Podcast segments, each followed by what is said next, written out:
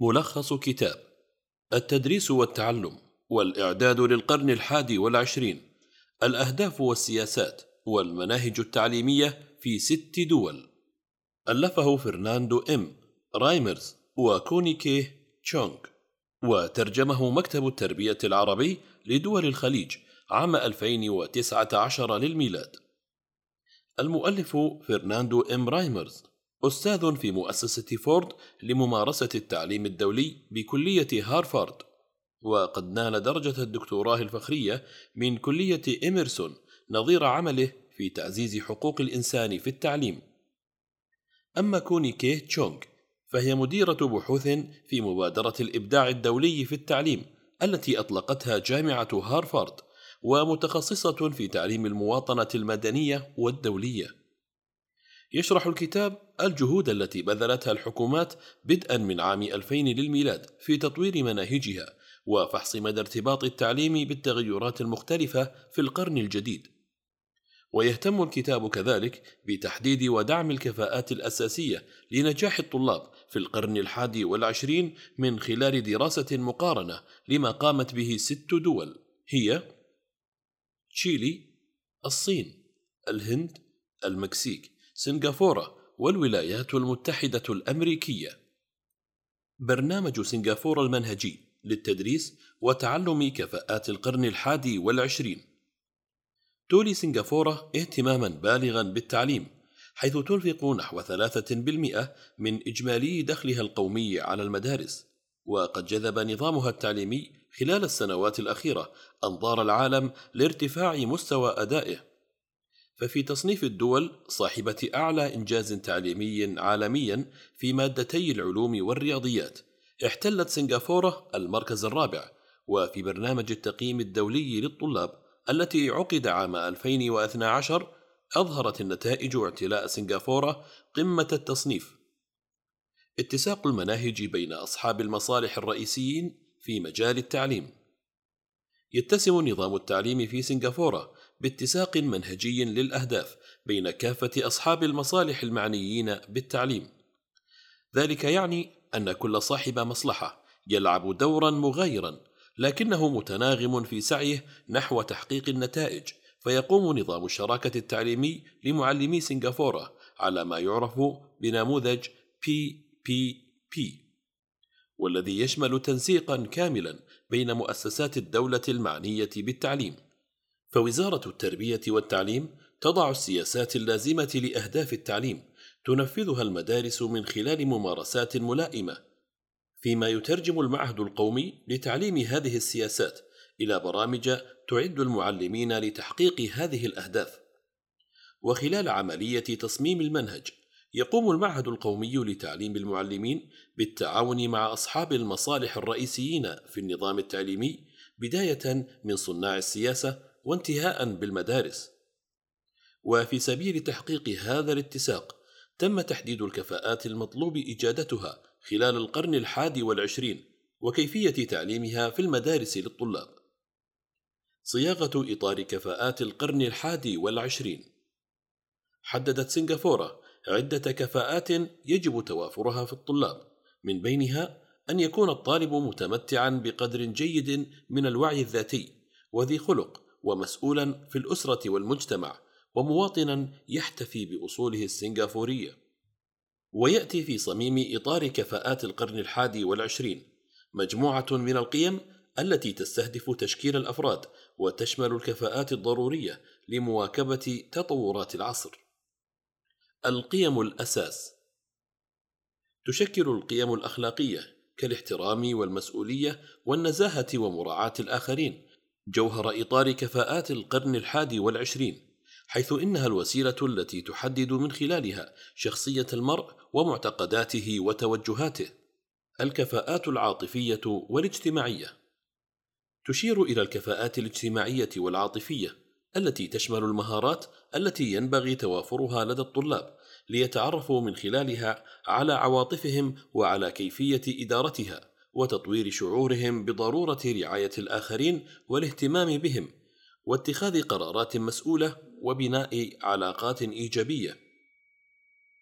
الكفاءات المستحدثة للقرن الحادي والعشرين. ينتظر من الطالب أن يكون طالبا ذاتي التوجيه شخصا واثقا من نفسه مساهما نشطا في المجتمع وذلك عبر معرفة أصول التربية المدنية والوعي الدولي والمهارات الثقافية المشتركة والتفكير الإبداعي والنقدي. مقارنة إطار كفاءات القرن الحادي والعشرين بإطار المجلس القومي للبحوث.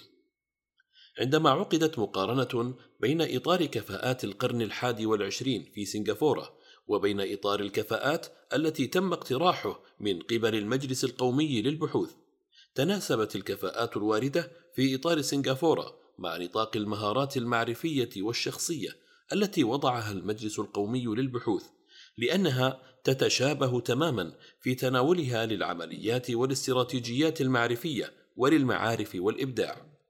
معايير ومقاييس المقارنة المرجعية لكفاءات القرن الحادي والعشرين بعد اعتماد سنغافورة إطار كفاءات القرن الحادي والعشرين في عام 2010 للميلاد قررت وزارة التعليم الشروع في مهمة تعليمية مع خمسة مدارس للمشاركة في تطبيق المناهج الدراسية وفق الإطار الجديد من خلال مجموعة من المعايير التي تلخص ما ينبغي على الطلاب تعلمه. المنهج والتقييم جرى تنقيح المنهج الدراسي وطريق التقييم لتعليم كفاءات القرن الحادي والعشرين من خلال مراجعة طريقة وضع الاختبارات وإدخال مهارات التفكير. برنامج التعلم النشط يدعم البرنامج ثلاثة أهداف.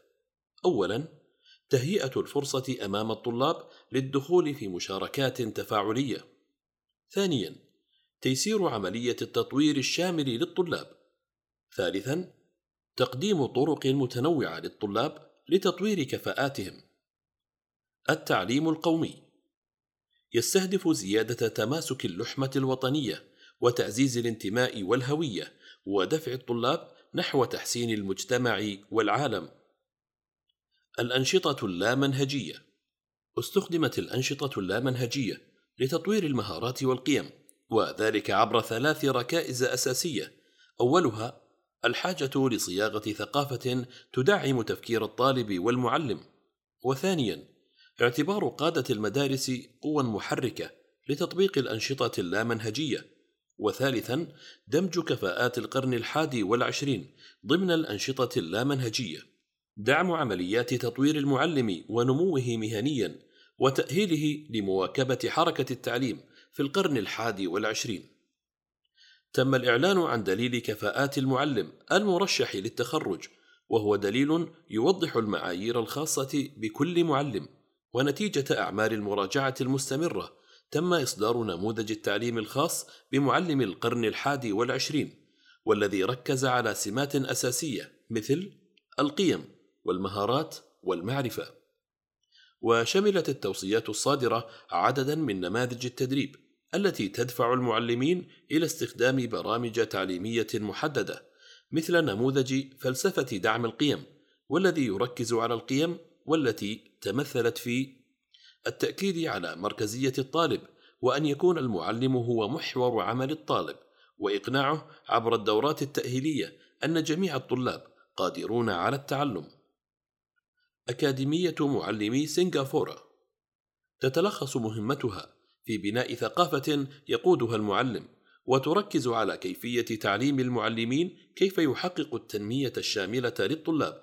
ومن أجل تحقيق هذه الأهداف، تم تطوير سلسلة من الاستراتيجيات، أولها تخصيص عدة برامج للقادة المعلمين تهدف إلى توجيههم أثناء عملية التعلم، وأيضا من خلال عدة برامج تأهيلية ترشد المعلمين إلى كيفية وضع خطط الدرس والتأمل وغيرها.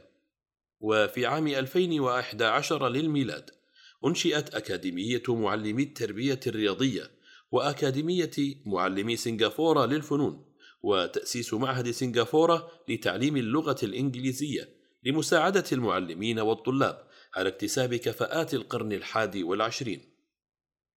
توفير الموارد المنهجية وتقديم الدعم اللازم التزمت وزارة التعليم بتقديم دعم جوهري لدعم عملية الإصلاح التعليمية ولهذا تقرر إتاحة ساعتين لكل معلم أسبوعيا ليقوم بالتخطيط المهني والتعاوني للمنهج الدراسي. كما تم تقليص حجم المحتوى الدراسي وخصصت الوزارة 40 مليون دولار سنغافوري للمدارس لدعم بنيتها التحتية. كما تم تزويد المدارس بآليات تكنولوجية مستحدثة مثل الفصول الدراسية معادة التصميم ومساحات التعلم الخارجي والصالات الرياضية المغطاة بالنجيل الصناعي وغرفة أداء الرقص والفنون وغيرها. فكر كثيرا واعمل قليلا. الدروس المستفادة من إصلاح مناهج القرن الحادي والعشرين في الصين. تفتخر الصين بامتلاكها أكبر نظام تعليمي في العالم، ساهم في القضاء تماما على الأمية بين الشباب والبالغين. وخلال العقود الثلاثة الأخيرة أبهرت الصين العالم بجودة تعليمها ويعد احتلال تصنيف شنغهاي قمة نتائج البرنامج الدولي لتقييم الطلاب لعام 2009 للميلاد خير شاهد على ذلك. إصلاح التعليم لتمكين الناس من الحصول عليه والمساواة في تحصيله. انطلقت مبادرة كفاءات القرن الحادي والعشرين بهدف إتاحة فرص متكافئة للحصول على التعليم الأساسي. وتحولت الدولة من مركزية التعليم إلى اللامركزية بالمقاطعات. وعندما أصبحت الاحتياطات المالية للدولة أكبر التزمت الحكومة بتمويل التعليم الإلزامي من الميزانيات العامة ما أسفر عنه تعديل قانون التعليم عام 2006 للميلاد. وأصبح التعليم الأساسي إلزاما ومجانيا لمدة تسع سنوات. وقد اتجهت الصين نحو إصلاح نظامها التعليمي من خلال تبني عدة مفاهيم أبرزها. التعليم الموجه نحو التحديث ومواكبة العالم وبناء المستقبل. أيقنت الصين ضرورة أن يواكب التعليم التحديث من خلال الاستعانة بخبرات الدول الأخرى حتى يتماشى مع حركة الانفتاح التي شهدتها الدولة بعد الثورة الثقافية. التعليم الموجه نحو تحقيق الجودة مقابل التعليم الموجه نحو اجتياز الاختبارات اتسم التعليم في حقبة الثمانينيات بالسعي وراء اجتياز الطلاب للاختبار ومن ثم تركيز مبدأ الحفظ لديهم لذا كان لزاما أن تتجه الدولة للتعليم الموجه نحو تحقيق الجودة لصقل الكفاءات وفي عام 1993 للميلاد اعتمد هذا النظام الذي يشمل التطوير الأخلاقي والفكري والبدنية والأيديولوجي لجميع الطلاب. إصلاح مناهج التعليم الأساسي من خلال عدة مسوح تبين للصين أن المناهج تعتمد أكثر على التلقين، لذلك صيغت مسودة إصلاح مناهج التعليم الأساسي واعتمادها، والتي تضمنت مجموعة من التوجيهات التي يتعين العمل بها بالمدارس، أدت هذه التوجيهات إلى حدوث تغيير كبير في فلسفة التعليم وفي محتويات المناهج. مبادرات الكفاءات الأساس بحلول عام 2014 استطاعت الصين أن تترجم أيديولوجيتها الجديدة إلى مبادرة الكفاءات الأساس والتي تهدف لسد الفجوة بين أهداف التعليم وأهداف المناهج المقررة إلى جانب تعزيز الكفاءات العامة والأخلاقيات المركزية واللامركزية يعتمد إطار المنهج التربوي على الموازنة بين المركزية واللامركزية، حيث تعد وزارة التعليم هي الجهة المسؤولة عن تطوير إطار المنهج القومي وتحديد مجالات التعلم، بينما يتمثل دور المقاطعات في تنفيذ المنهج القومي. كفاءات القرن الحادي والعشرين في الإصلاح التعليمي في دولة تشيلي واجهت سياسة تبني كفاءات القرن الحادي والعشرين في التعليم التشيلي صعوبتين رئيسيتين الأولى تمثلت في ضرورة تجاوز عقبات متعددة حتى يتسنى للمنهج الدراسي أن يطور خبرات الطلاب كضعف مواد التدريس وتدريب المعلمين وبرامج تحسين المدارس وتقييم الطلاب. أما الصعوبة الثانية فتمثلت في ضعف قنوات الاتصال التي تربط السلطات التعليمية مع إدارات المدارس. أسس إصلاح المنهج الدراسي التشيلي. شكلت حكومة تشيلي عام 1994 للميلاد لجنة لتحديث التعليم ضمت في عضويتها أكاديميين وساسة ورجال أعمال وقد خرجت اللجنة بتقرير أصبح هو أساس الإصلاح التعليمي. حرصت اللجنة على تقديم منهج حياتي معني بتعليم الطلاب كيفية إنتاج المعرفة وليس فقط إعادة إنتاجها واقترحت تطوير الكفاءات المعرفية والتفاعل بين الأفراد والكفاءات الذاتية كالتسامح والاحترام وأكدت اللجنة بشدة على كفاءة المواطنة لتعويد الطلاب على القيام بواجباتهم والمطالبة بحقوقهم. نظرة عامة على المنهج الدراسي. استهدف المنهج التشيلي عدة قدرات ترتبط بكفاءات القرن الحادي والعشرين على النحو التالي: استنباط المعرفة وتوليدها، التفكير المنهجي، التجريب ومعرفة كيفية التعلم، التواصل، العمل الاجتماعي، حل المشكلات، التعامل مع حالات الغموض والتكيف مع التغير. وكان على المنهج الدراسي التشيلي الجديد أن يضع إطارا مركزا يشتمل على الأهداف الأساسية لكل قطاع تعليمي والمحتويات المنهجية الإلزامية المطلوب توفرها لكل صف. وأتيح للمدارس حرية وضع خطط خاصة بها واقتصر دور وزارة التعليم على وضع برامج لدورات تعليمية تضمنت مقترحات تربوية والتي تبنتها معظم المدارس. وأصبحت اللغة الإسبانية وسيلة تواصل ومواد التاريخ والجغرافيا ضمن العلوم الاجتماعية كما اشتمل المنهج الدراسي على دورة تعليم تكنولوجي.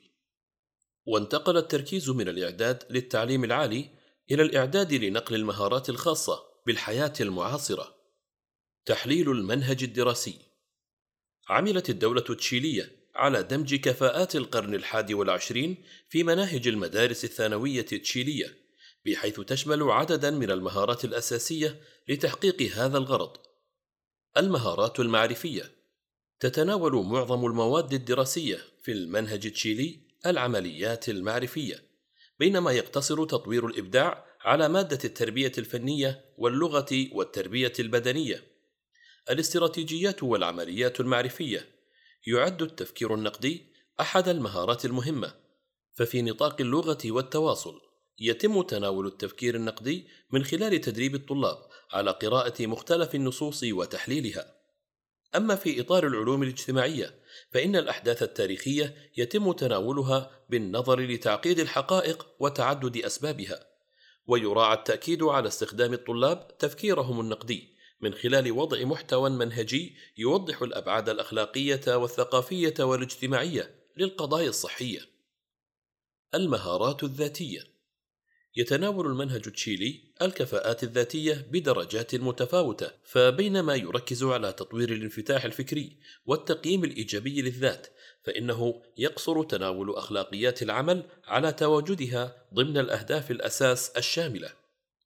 مهارات التفاعل بين الأفراد نادرا ما يشتمل المنهج التشيلي على مهارات التفاعل بين الأفراد، حيث تقتصر تلك المهارة على الأنشطة الدراسية التي تنطوي على عمل جماعي مثل مادة التربية التكنولوجية التي تعزز هذه المهارة من خلال المشاريع الجماعية وفي المقابل نجد أن مادة تعليم المواطنة هي الأكثر صلة بتطوير كفاءات التفاعل بين الأفراد. التعليم المهني تعرض التعليم المهني لاثنين من التغيرات الهيكلية أولها خاص بالصفين الدراسيين الحادي عشر والثاني عشر ما يتيح للطلاب الالتحاق بالتعليم العام باعتباره التعليم الأفضل.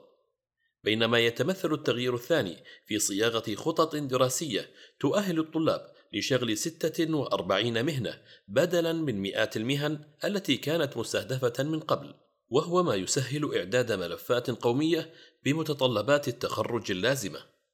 كذلك انتقلت ممارسات تدريب الطلاب من الفصول الدراسية إلى ساحات الشركات والمصانع.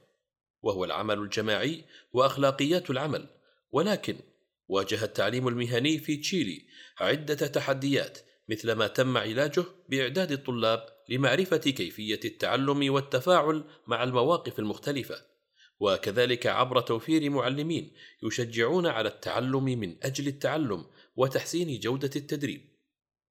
التعليم لتحقيق المواطنة كأحد إصلاحات المنهج الدراسي التشيلي أكدت منظمة اليونسكو أهمية تعليم مبادئ المواطنة في القرن الحادي والعشرين. ففي الفترة من عام 1980 للميلاد وحتى 2002 للميلاد تم تدريس مادة التربية المدنية والتي تضمنت التوجه القومي في حين تجاهلت قضايا حقوق الإنسان ودور الأحزاب السياسية باعتبارها وضعت أثناء الحكم الدكتاتوري. وخلال فترة التحول الديمقراطي تم تعديل منهج مبادئ المواطنة حتى يتمكن الطلاب من المشاركة في بناء المجتمع الديمقراطي والتعبير عن الرأي وحرية الفكر وتحفيز شعورهم بهويتهم الوطنية. ولتحقيق هذا الهدف، تم استبدال مادة التربية المدنية بمحتوى تعليمي للمواطنة يشمل على عدد من المعارف تم تضمينها في مواد التاريخ والعلوم الاجتماعية واللغة والتواصل والفلسفة والإرشاد النفسي. وسع المحتوى الجديد إلى نقل التعريف بهيكل النظام الحكومي كما استهدف نقل القيم الخاصة بالحياة الديمقراطية. على الرغم من ذلك، ووفقا للدراسة التي أجرتها الرابطة الدولية لتقييم التعليم المدني في عام 1999 للميلاد، فكانت نتائج تقييم الطلاب محبطة للغاية، وتحديدا في القضايا التي تتعلق بحقوق الإنسان والأحزاب السياسية.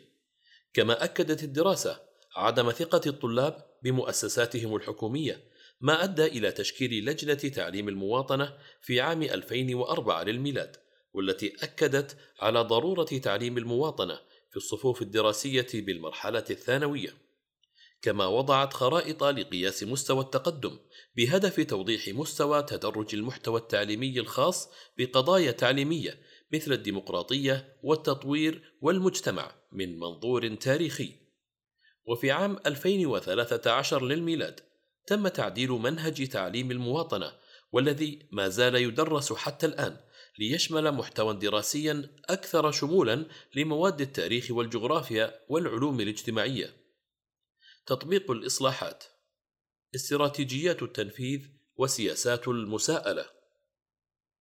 تنفيذ إصلاحات المنهج الدراسي على أرض الواقع كان جزءا من مجموعة سياسات تعليمية طموحة شملت عددا من الخطوات فتم تطوير برامج دراسية مفصلة وكتبا استرشادية وأجهزة حاسوبية وتطبيق سياسة اليوم الدراسي الكامل. كما تلقى المعلمون برامج تدريبية مكثفة وتم تعديل اختبارات القبول بالجامعة وبذلت العديد من الجهود لتعديل منهج المدارس الثانوية.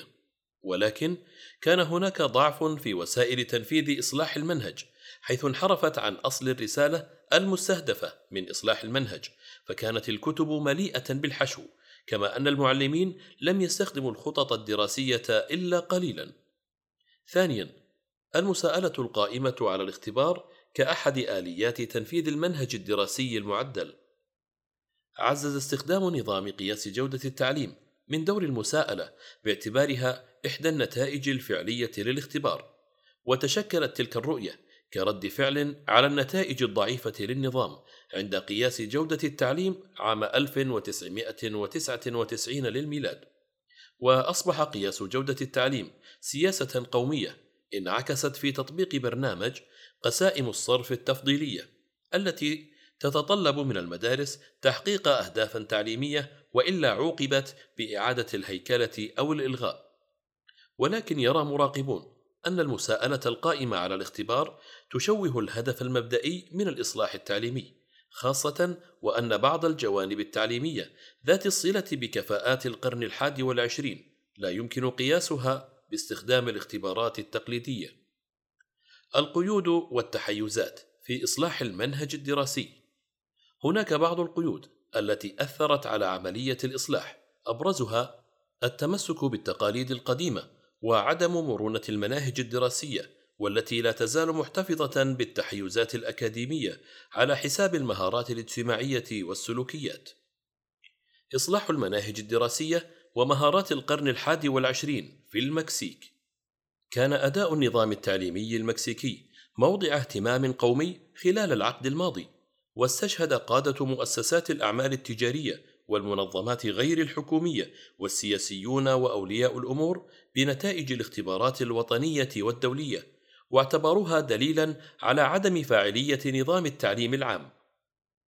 وأدى السخط العام على أداء النظام التعليمي إلى وجود مناخ مناسب لإجراء تغيير شامل على إدارة نظام التعليم القومي. كفاءات القرن الحادي والعشرين على مستوى النظام التعليمي. تم تقسيم نظام التعليم المكسيكي إلى ثلاث مستويات هي التعليم الأساسي والمتوسط والعالي. تعمل وفق ثلاثة نماذج خاصة بطريقة تدريس المحتوى التعليمي وهي نموذج تدريس خارج المدرسة. ونموذج تدريس داخل المدرسة ونموذج مرتبط بالحضور الإلزامي للطلاب حتى بلوغهم مرحلة التعليم الثانوي. وأجرى نظام التعليم المكسيكي إصلاحات متنوعة ولكنه لم يجري ما يكفي من بحوث تتناول كيفية تحديد الكفاءات اللازمة التي يتعين على الطلاب اكتسابها كدراسة حالة أسواق العمل المحلية وتحديد الكفاءات التي تبحث عنها الشركات مثل العمل الجماعي، التواصل والكفاءة الشخصية. وهناك دراسة أخرى تحمل عنوان سوق العمل، حدد فيها الباحثون عددا من الكفاءات الموجودة في أربع فئات، وهي القيادة، التفاوض، العلاقات الشخصية، والإمكانات الفردية. تضمنت فئة القيادة كفاءات تتعلق بالقدرات الفردية اللازمة للتأثير والتفاعل مع الآخرين. أما الفئة الثانية والتي تتعلق بالتفاوض فتضمنت الكفاءات ذات الصلة بالأنشطة الإدارية مثل التخطيط والسعي نحو التحسين المستمر. بينما تضمنت الفئة الثالثة كفاءات التواصل والتفاوض، في حين تضمنت الفئة الرابعة كفاءات ضبط النفس والابتكار والتكيف مع التغيير. كفاءات القرن الحادي والعشرين في المدارس عرض نتائج المسح المحلي على الرغم من تحديد مجموعة الكفاءات التي أعرب عنها أرباب العمل إلا أن المعلومات المتاحة حول كيفية استيعاب المجتمعات المدرسية لهذه الكفاءات لا تزال نادرة. وللحصول على مزيد من المعلومات حول تصور أصحاب المصلحة في المجال التعليمي مثل أولياء الأمور والمعلمين لكفاءات القرن الحادي والعشرين تم إجراء مسح على عدد من الطلاب في 574 مدرسة ثانوية. وساهمت البيانات التي تم تجميعها في فهم مدى إمكانية دعم المجتمعات المدرسية لإدراج هذه الكفاءات ضمن مناهجها الدراسية. ولكن أظهرت البيانات أن أولياء الأمور لم يألفوا بعد مفهوم كفاءات القرن الحادي والعشرين. وعلى الرغم من ذلك فكان هناك ظهور إيجابي لبعض الكفاءات مثل التعاون والعمل الجماعي والإلمام بالتكنولوجيا وهو ما ساعد على البدء في دمج كفاءات القرن الحادي والعشرين ضمن المنهج الدراسي القومي. تحليل المنهج الدراسي القومي للتعليم الأساسي. وضعت وزارة التعليم عدة مهارات يجب أن يتحلى بها خريجو التعليم الأساس من بينها. التفاعل في البيئات الثقافية المتنوعة. تطوير الآراء بناء على تفسيرهم للأدلة. جمع وتحليل واستخدام المعلومات من عدة مصادر. تفسير الظروف الاجتماعية والطبيعية لاتخاذ قرارات أفضل. استخدام التكنولوجيا. وتشير نسبة نتائج التعلم المتوقعة وكيفية توزيعها في الصفوف إلى غياب التخطيط الشامل لعملية إدراج كفاءات القرن الحادي والعشرين في المناهج الدراسية القومية الجديدة، ومع إمكانية القول بأن توزيع الأهداف التعليمية بشكل غير كاف عبر المواد الدراسية هو نتيجة لعملية استبدال جرت عند إدراج كفاءات تقليدية بأخرى جديدة في المنهج الدراسي، إلا أنه من الواضح أن التوزيع الحالي لتلك الأهداف التعليمية لا يفي بحاجة أصحاب الأعمال لتطبيق كفاءات القرن الحادي والعشرين في بيئة العمل. دور الجهات غير الحكومية في تعزيز اكتساب كفاءات القرن الحادي والعشرين.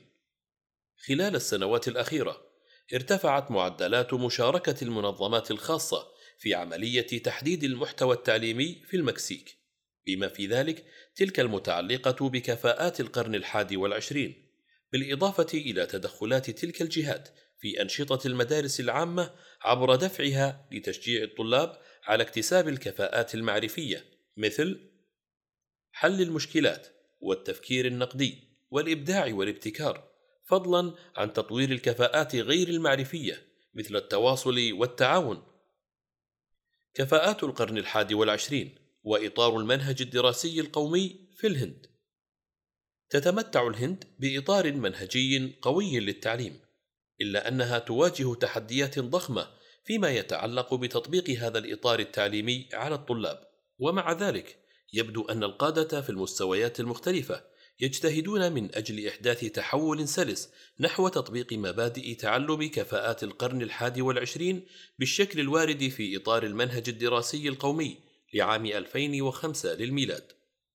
إطار المنهج الدراسي القومي لعام 2005 للميلاد منهج بديل لتعلم كفاءات القرن الحادي والعشرين ويشير إطار المنهج الدراسي القومي لعام 2005 للميلاد إلى أن تعليم مهارات القرن الحادي والعشرين للطلاب الهنود بمثابة وسيلة لتنمية القدرات البشرية لتحقيق التمكين الاجتماعي والاقتصادي.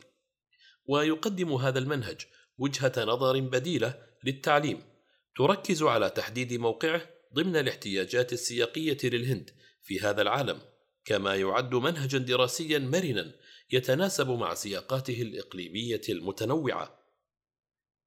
التعليم المتمركز حول العمل. يهتم التعليم المتمركز حول العمل بتبني استراتيجيات تعليمية تهدف إلى تحويل المناهج النظرية إلى تطبيق عملي وإتقان حل المشكلات وقوة الملاحظة واتخاذ القرارات والعصف الذهني وتقييم الحلول بوصفها كفاءات يتعين على الطالب اكتسابها بهدف التكيف مع مواقف العمل المتغيرة. التعليم النظري والتطبيقي يضمن التعليم النظري والتطبيقي احترام كرامة الإنسان في العمل واكتساب الخبرة، كما يعمل إطار المنهج الدراسي القومي لعام 2005 للميلاد على تمكين كل من الطالب والمجتمع من خلال الاستعانة بالحرفيين والنجارين والمزارعين في المدارس. فقد قامت إحدى المدارس بدعوة نجار ليشرح للطلاب كيفية عمل الدوائر والمربعات والمستطيلات الخشبية وفي نهاية لقائه بهم كان 90% من الطلاب قد تعلموا الفرق بين المربع والمستطيل. التفكير عالي المستوى. تعني كفاءات التفكير عالي المستوى بتمكين الطلاب من القيام بعمليات التعلم الخاصة بهم ليكونوا مفكرين لهم أسلوبهم المستقل ولديهم القدرة على اكتشاف الحلول بدلا من انتظار السلطات. تقدير النواحي الجمالية. وهو نظام تعليمي يتعرف من خلاله الطلاب على أشكال الفنون في بيئة ثقافية، فمثلا يتم تنظيم رحلات ميدانية إلى المواقع التاريخية لتعريف الطلاب بالفنون والهندسة المعمارية. المواطنة الديمقراطية. لقد تمكن الطلاب بفضل التعليم الذي يستهدف ترسيخ مبدأ الديمقراطية من تطوير الوعي الاجتماعي لديهم. ومعرفة كيف يصبحون مواطنين يحترمون التنوعات العقائدية والديمقراطية وحرية الرأي والتعبير. التعليم من أجل السلام. الاهتمام بتمكين الطلاب من بناء ثقافة سلام وتطوير مهارات تسوية النزاع بوسائل سلمية دون اللجوء للعنف، وهو ما كان مطلوبا في السياق العالمي لارتفاع معدلات الحوادث الإرهابية في ظل تصاعد وتيرة التوترات بين الهند وباكستان. النماذج الناجحة لتعلم كفاءات القرن الحادي والعشرين. أولاً نموذج ديغانتار لتطوير الكفاءات المناهضة للتقسيمات الطبقية الاجتماعية، ويركز على التعليم البديل، كما يهدف إلى تزويد الطفل بمهارات التفكير النقدي بطريقة ديمقراطية لا رهبة فيها.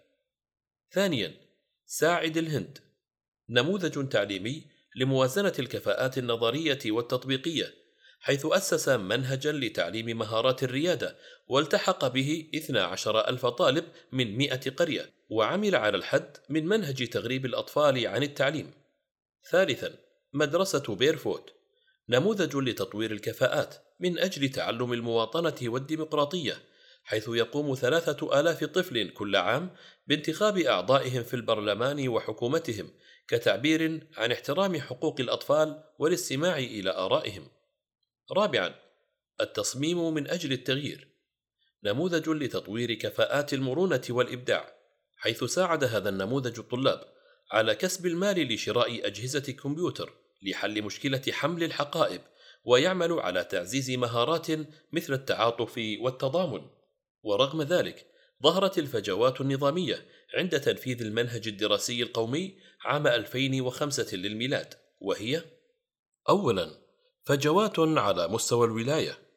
كشفت عمليات مراجعة الكتاب المدرسي وجود تفاوت اجتماعي مسيطر على عملية اختيار المحتوى التعليمي وغياب الأهداف القومية وتطوير العمل والخبرة. وأيضا كان هناك تفاوت بين الجنسين وافتقرت المناهج إلى البيانات المعتمدة على البحث. واستخدم المعلمون طرق تلقين في التدريس. ثانيا فجوات على مستوى المنطقة. لوحظ أن مستوى معاهد المنطقة للتدريب التعليمي متراجع وذلك يعود إلى أن المدربين عبارة عن موظفين بيروقراطيين لا يتمتعون بخبرات تدريسية ويفتقرون لمهارة التعامل داخل الفصول الدراسية. كما افتقرت البنية التحتية مثل المكتبات والمختبرات إلى الدعم وتكشف البحوث التي أجريت حول الإصلاح عن أن تغير سلوكيات المعلمين والقادة لن يحدث إلا بعد التحول الجاد في عقلياتهم من خلال بناء نظام جديد للمعتقدات وإيمانهم الجاد في الإصلاح. ثالثا فجوات على مستوى المدرسة القيادة التعليمية في المدارس مهددة بتراجع المستوى نظرا لعدم توفر الأنظمة اللازمة لإعداد قادة المدارس وتأهيلهم لتفسير السياسات التعليمية. كما أنهم غير مستعدين لاتخاذ قرارات منهجية تصب في مصلحة مدارسهم حيث يعتقدون بأن تغيير السياسات التعليمية ليس ضروريا لذا يلاحظ وجود فجوة واسعة بين دور قادة المدرسة المتصور وبين ما يقومون به فعليا في نهاية المطاف ولا ينظر إليهم إلا على أنهم أصحاب سلطة إدارية داخل المدارس رسم ملامح التعليم والتعلم للقرن الحادي والعشرين في ولاية ماساتشوستس في إطار إصلاحات التعليم في الولايات المتحدة.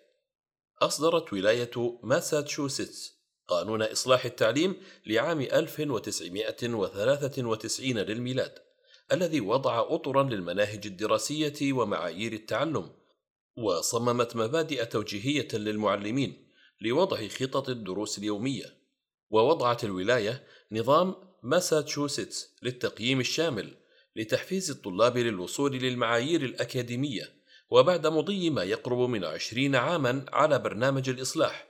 نجح طلاب ماساتشوستس في الحصول على درجات عالية مقارنة بأقرانهم في أمريكا. وعلى الرغم من جهود الإصلاح المبذولة إلا أنها لاقت انتقادا واسعا نظرا لإفراطها في الاختبارات القياسية لتقييم الطلاب والمدرسين. هذه الانتقادات ساعدت في وضع إصلاحات للمناهج تستهدف رفع مستوى جودة التعليم أكثر وأكثر. تطبيق كفاءات القرن الحادي والعشرين في ماساتشوستس. قدم فريق عمل ماساتشوستس المكون من 22 عضوا من إدارة المدارس الأساسي والثانوي ما يعرف بالورقة البيضاء المقدمة حول مهارات القرن الحادي والعشرين وتضمنت خمس عوامل للتغيير اتسمت بالشمولية وهي الإصلاح الشامل لبرامج تدريب المعلمين والتطوير المهني. رفع معايير الولاية لمستوى الإتقان أن تكون للولاية الريادة في مجال التقييم مساءلة المعلمين والإداريين عن دورهم في دمج مهارات القرن الحادي والعشرين ضمن المناهج الدراسية. تصميم وسائل عرض كإطلاق مبادرة شركاء التعليم الإبداعي. وصدر تقرير أيضا عام 2012 للميلاد ليحدد كفاءات اللغة والرياضيات الواجب إتقانها وهي الكفاءات الأساس الاستعداد الأكاديمي لقراءة النصوص المعقدة وفهمها وعرض الجوانب المعرفية من خلال دمج الأفكار ومقارنتها وتركيبها.